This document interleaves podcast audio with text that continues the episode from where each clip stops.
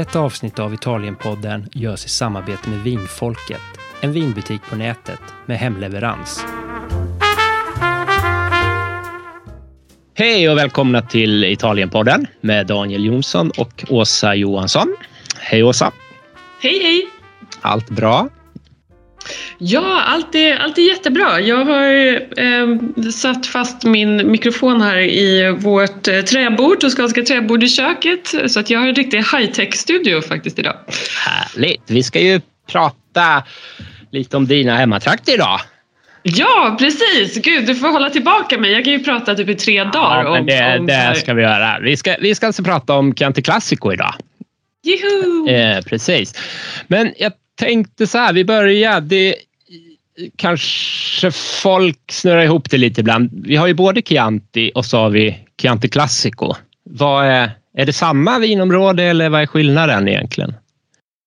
Ah, bra fråga. Det är jättelätt att, att, att, blanda ihop dem och det är en mardröm kommunikationsmässigt ja, för alla producenter.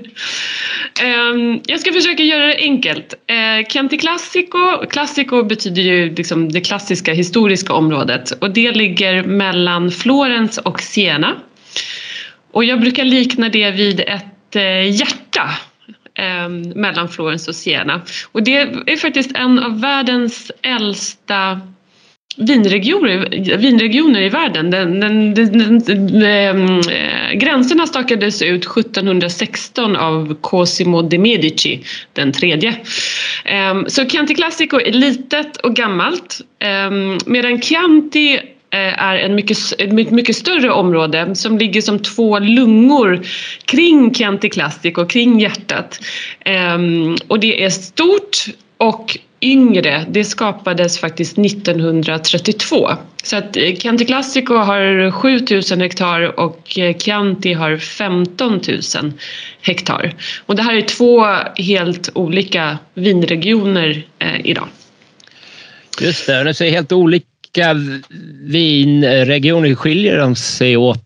Vad är det vilka druvor man odlar mest eller, vad, eller är det liksom landskapet och jordmån och sånt som skiljer sig? Eller vad är, vad är liksom den stora skillnaden då? Eh, alltså, båda regionerna använder sig av Sangiovese som, som är den toskanska eh, eh druvan eh, som är liksom grundingrediensen i de flesta eh, klassiska röda vinerna från, från Toscana. Ehm, men i Chianti Classico så måste man ha i minst 80 procent av Sangiovese för att få skriva Chianti Classico på etiketten. Och i Chianti så måste man ha i 70 procent eh, Sangiovese. Och det här kan ju låta liksom, ja, men det är inte så stor skillnad. Det som är skillnad är att Chianti är så stort, det täcker nästan hela Toscana. Eh, så man gör Chianti nära Pisa i väst, man gör Chianti nära Arezzo i öst, eh, i Siena och även uppe i Rufina, uppe i bergen nästan. Så det är jättestor skillnad på Chianti. Eh, sen så har man ju tagit lite olika vägar kommersiellt. Chianti Classico eh, ska vi titta närmare på men man har ju satsat på att göra mindre men bättre. Medan Chianti har eh, ett par jättestora liksom, kooperativ och eh, vinhandlare som liksom spottar ut flaskor av eh, låg kvalitet. Så det är svårt för kvalitetsproducenterna i Chianti att nå ut eh, med sitt, sitt budskap. Det, men det finns någon sån ursprungsmärkning för Chianti också eller? Ja, precis. Ja, mm. Jo, båda är sådana här DOCG-regioner. Mm. Men du, ta oss med lite till Chianti Classico. Hur, hur, hur ser det ut där? Alltså det Landskapet. Är ju oh, det är ju kvintessensen av Toscana skulle man kunna säga. Jag har ju bott här i 20 år. Jag stannar ju fortfarande bilen så här på morgonen och bara titta vad vackert. Mina barn bara, ah, fan vad jobbigt. Oj nu svor jag, det får man inte göra.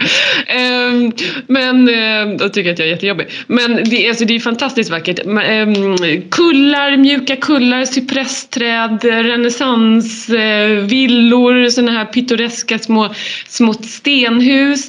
Um, och hela landskapet är ju eh, K-märkt. Så att på både gott och ont så får man ju liksom inte göra någonting. Man får till exempel inte asfaltera eh, de här vita grusvägarna för att de är en del av, av eh, det här vackra landskapet. -huh. Så att hela Chianti Classico är K-märkt.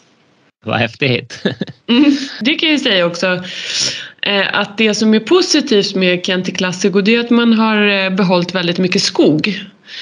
Ehm, man var väldigt snabb med att liksom skydda själva, själva området så det finns fortfarande, det är inte bara vinfält utan det är en salig blandning av eh, liksom kullar och cypressträd och livträd och livlundar, vinfält och, och, och så är det faktiskt mycket skog. Mm. Vad, är, vad är det för klimat? Det är kontinentalt klimat. Ehm, så det är ju varma somrar och kalla eh, vintrar. Om man jämför med Floren som, eh, och Siena som, som eh, eh, ligger på två sidor eh, om, om Chianti Classico så är det just på grund av höjden så är, är det ofta svalt även under somrarna på nätterna. Man sover liksom alltid med ett täcke så att under somrarna så är det stora temperaturskillnader mellan dag och natt. Just det. Och vad har det, har det någon påverkan på, på skörden, på druvorna?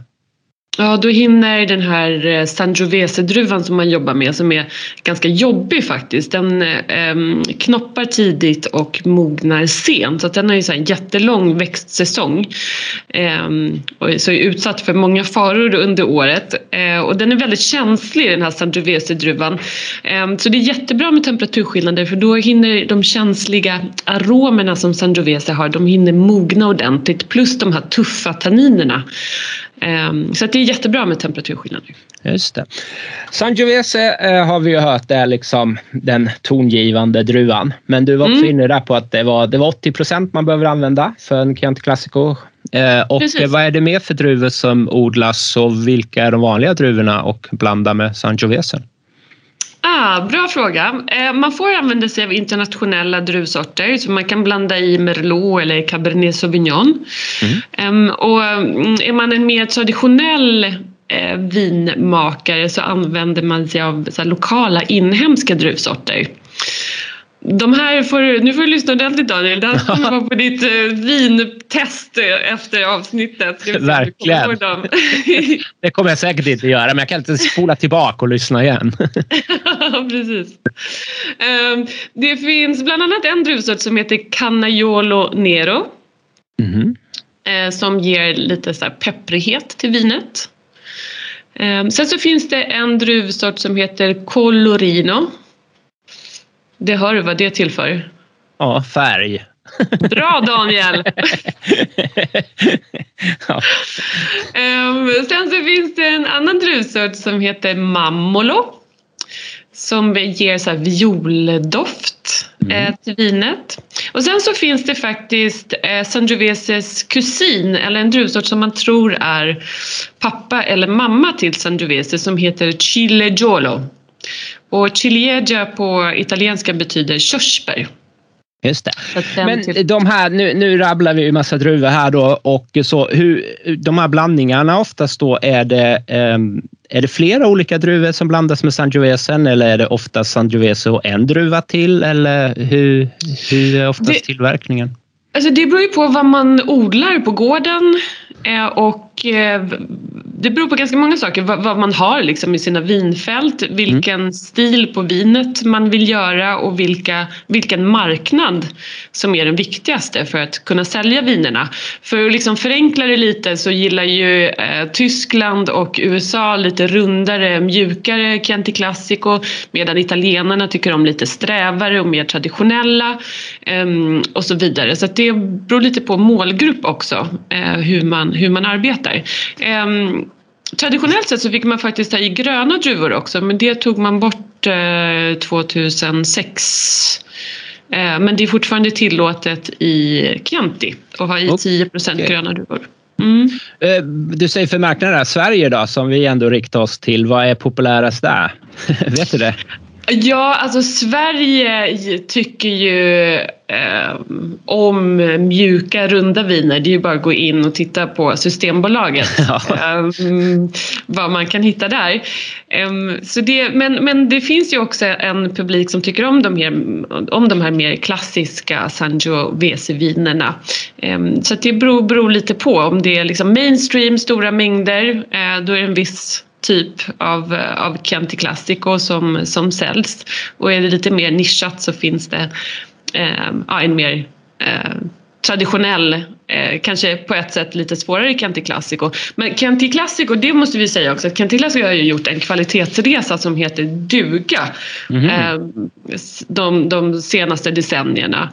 Eh, för i eh, Alltså det, det man, om, man, om man pratar med en lite äldre person så, så säger man så här, ah, Chianti och Chianti Classico och då så här, rynkar de på näsan och bara, ah, det är ju den där bastflaskan, rundformade blast, bastflaskan, dåligt vin, strävt och surt. Ja. Eh, och det var det. Eh, Chianti och Chianti Classico, det, det, det såldes ju i mängder för billig peng runt om eh, på så enkla trattorier och pizzerior eh, i världen.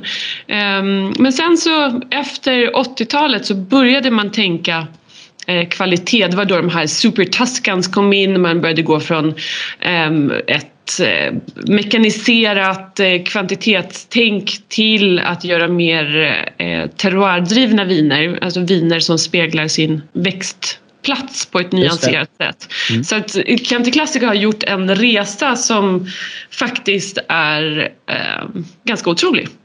Eh, på väldigt kort tid. Så att idag håller ju vinerna jättehög klass och man får mycket för pengarna. Priserna är fortfarande alldeles för låga för det arbete som producenterna gör om jag ska vara helt ärlig.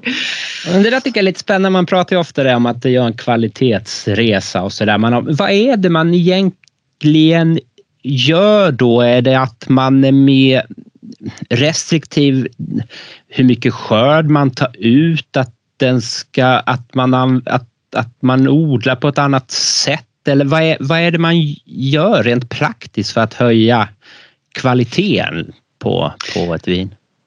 Um, ja, det, det, det, är faktiskt en jättebra fråga. Om vi ska prata om Chianti Classico mm. specifikt um, så, så kom ju hela Toscana på 1950-talet så avskaffade man ju ett, ett jordbrukssystem som på italienska kallas för mezzadria, hälftenbruk. Mm. Uh, och det var ett sorts feodalt system som gick ut på att det var eh, ofta adel som ägde marken, stora markägor, så hade man en, en eh, hade man bönder som fick ett hus, eh, lite mark och de fick bo och odla där eh, om de gav 50 procent av allt de producerade till godsherren. Ehm, och det här började avskaffas först 1964. Så att det, det, det varade sedan medeltiden men det, alltså det här feudala antika systemet fanns liksom nästan på, fram till på 70-talet. Eh, det är helt galet om man tänker mm. efter. Ehm, då när det togs bort Eh, så flyttade eh, bönderna in till de större italienska städerna. Det var ju så ekonomisk boom i Italien på 50 och 60-talet. Industrin började ta fart, städerna började växa, man kunde åka på sina första semestrar, man kunde köpa sin första lilla familjebil, Fiat 500-bilen. Mm. Eh, så det här var ju hälftenbrukarnas chans att skaffa sig ett bättre liv. Så att de flyttade in till städerna. Eh, jordbruket övergav behövs helt enkelt. Och eh, helt plötsligt så var de här eh, godsherrarna satt där med sina stora markägor och en massa hus och hade ingen aning om hur man drev ett modernt jordbruk. Nej, just det. Det fanns ingen kvar alls som skötte det överhuvudtaget heller. Eller det skulle de göra själva då? Ja, och då var ja. man ju...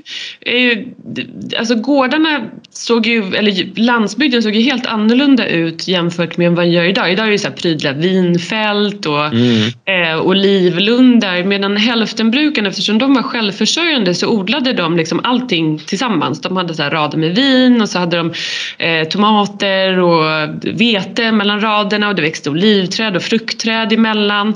Eh, och då ehm, när det här systemet försvann så var ju eh, de som ägde marken var ju tvungna att, att skapa en modern eh, vingård helt plötsligt, göra om allting. Så att de här gamla vingårdarna togs bort och man planterade det som man här i Toscana kallar för traktorsvingårdar. Mm -hmm. eh, ja, det är lite roligt för att då Eh, gud vad jag pratar. Jag kan ju prata om ja, det här. Men prata på. Det här är intressant tycker jag. Så för min del får du gärna prata på lite om det här.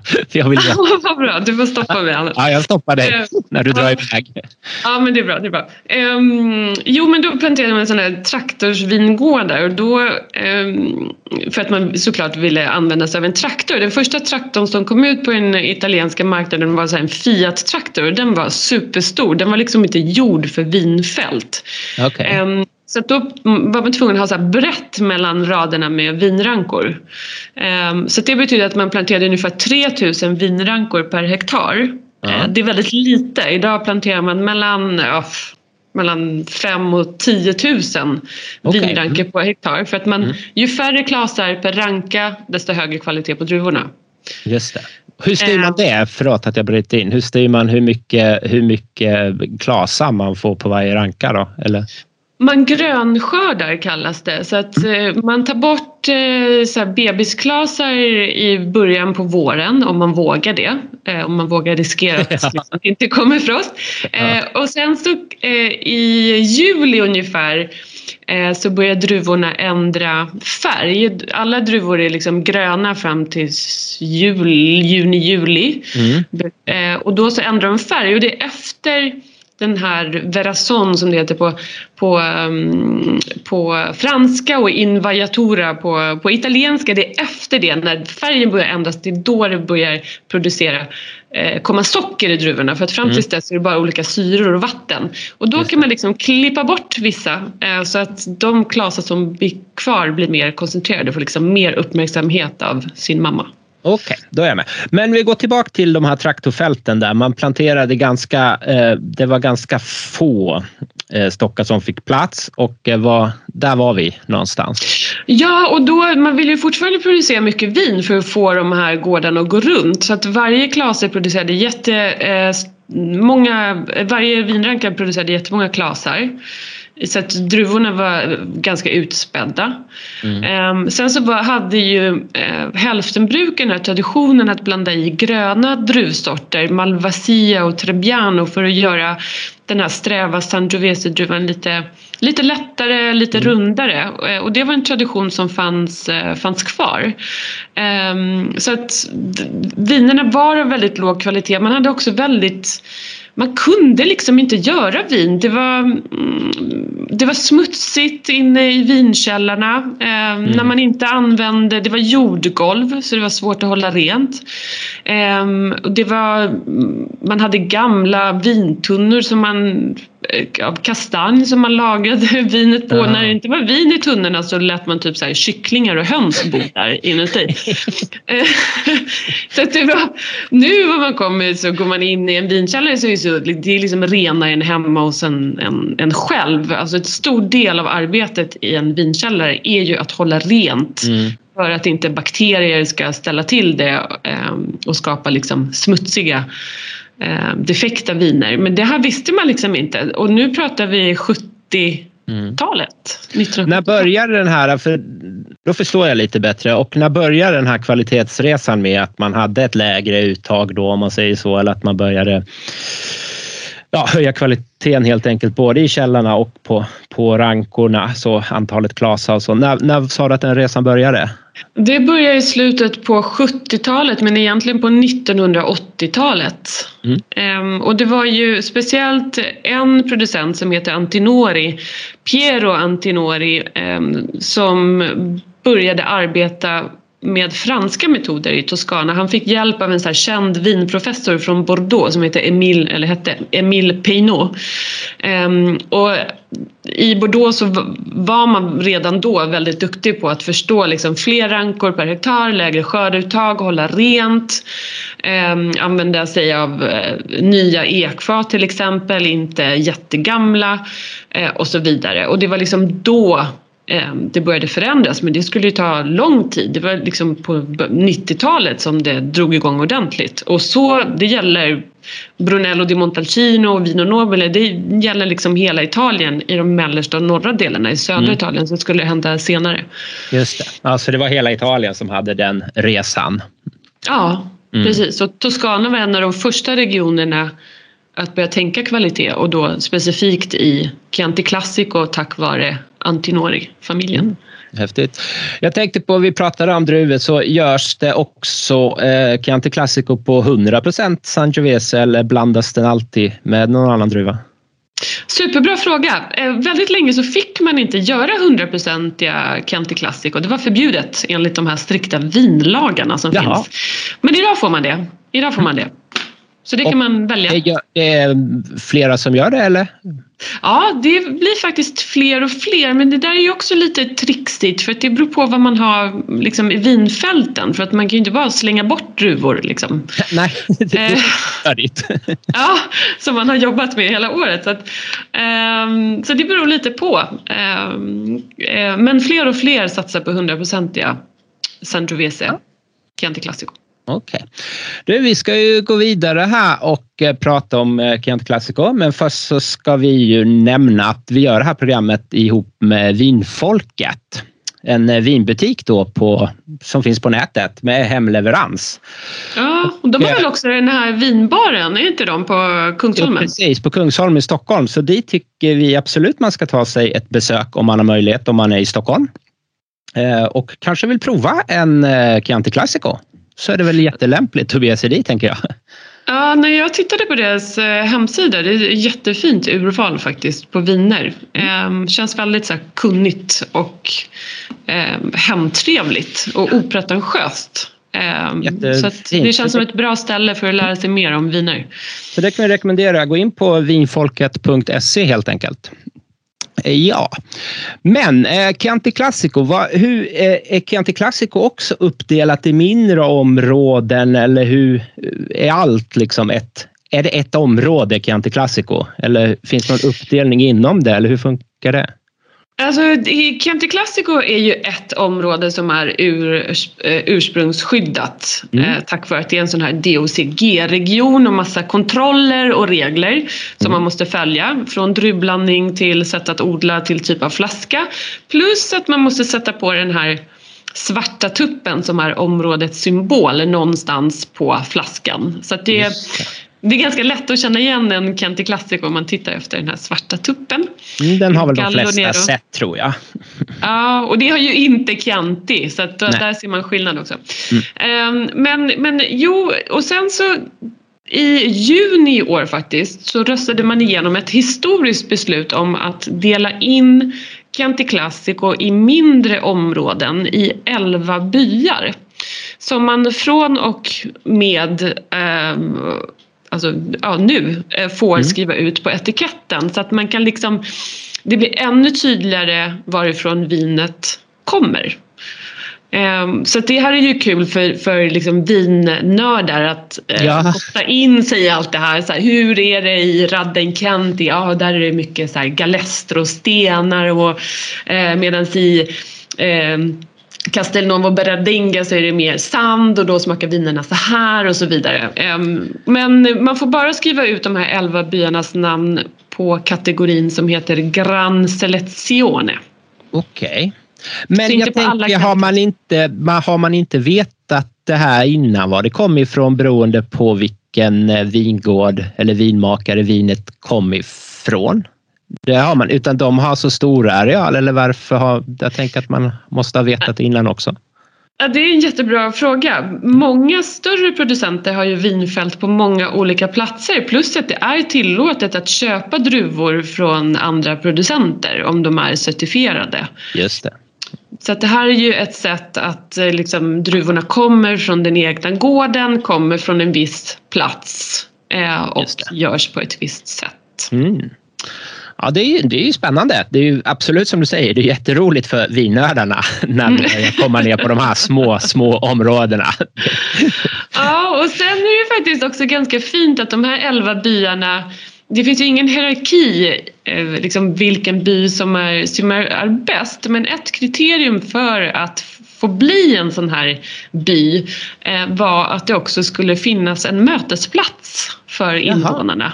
Alltså, Va, det alltså ett en... torg eller en bar ja. eller vad är en mötesplats? en nattklubb. Ja. um, en, en, en liten by med torg eller någonstans där man liksom kan mötas, uh, invånarna.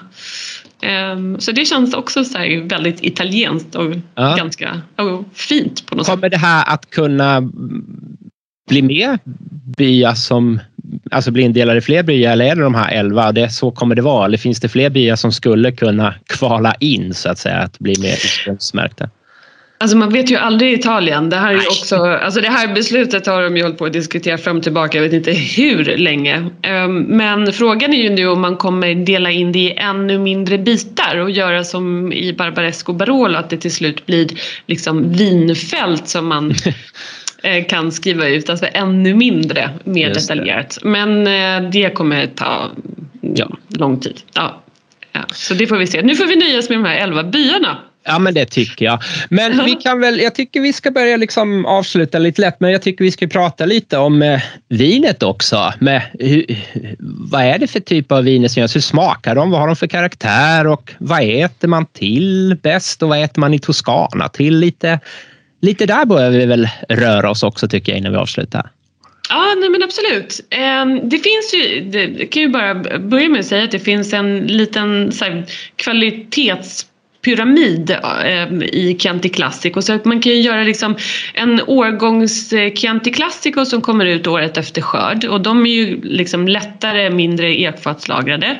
Mm. Sen så finns det reservorna som man måste hålla två år i vinkällaren och de är ofta lagrade lite längre på fat så att lite fylligare och kraftigare. Medan Gran Selezione mm, Eh, brukar också likna reservorna lite mer, väldigt så eleganta och lite mer ekfatslagrade och mm. lagringsdugliga skulle vi kunna säga. Så att vad man äter till beror ju liksom på eh, vilken av de här man, man äh, väljer. Mm. Ähm, men äh, men ähm, vinerna doftar ju körsbär. Äh, mm. Klassisk äh, körsbär, körsbärskärnor, svårt att säga. Mm. Ähm, och sen har ju Sangiovese hög syra, Mm. Ganska tuffa tanniner mm. eh, och ger ganska så smala viner. Det är ingen fruktbomb, tvärtom. Mm. Eh, stramt och mer åt det örtiga hållet. Eh, och tanniner och syra kräver fett och ja. proteiner. Mm. För det, det, är ganska oromantiskt att säga det på det sättet. Men det är så det är. Det är så det är. Ehm, ehm, så det här i Toscana äter man ju mycket kött, det är en köttregion och går man ut på lokala restauranger så finns det ju liksom ingen fisk någonstans, det äter man bara vid kusten. Ja. Um, så den här T-bone-steken, la bistecca la fiorentina eller kaninragout med pasta. Um, massa olika så här, lins, kikärtssoppa soppor som man mm. äter till som är faktiskt jättegoda. Det låter mm. osexigt men de är jätte, jättegoda. Ah. Um, ja, eh, så mycket så proteinrik mat till mm. Chianti Classico. Mm. Sista frågan tänker jag så här då. Hur, vad, vad för typ av Chianti Classico dricker du helst om man får fråga det och vad äter du till då som har bott ändå i, i området i 20 år som avslutning?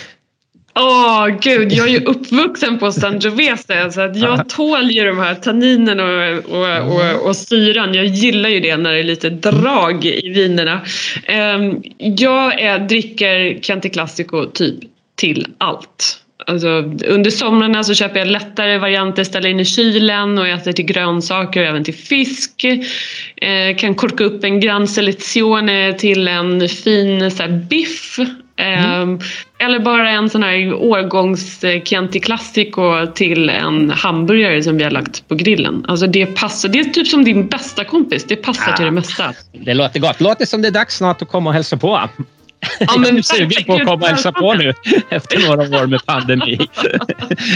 ja, men vad bra. Du, eh, vad kul att få eh, lära sig lite mer om Chianti Classico, tycker jag. Okay, jag har verkligen hållit igen Daniel, bara så du vet. Alltså, jag... Ja, men jag tycker det är bra. Vi, vi kan göra många avsnitt. Det är bättre vi tar lite i taget, tänker jag. Så hänger man ja, med.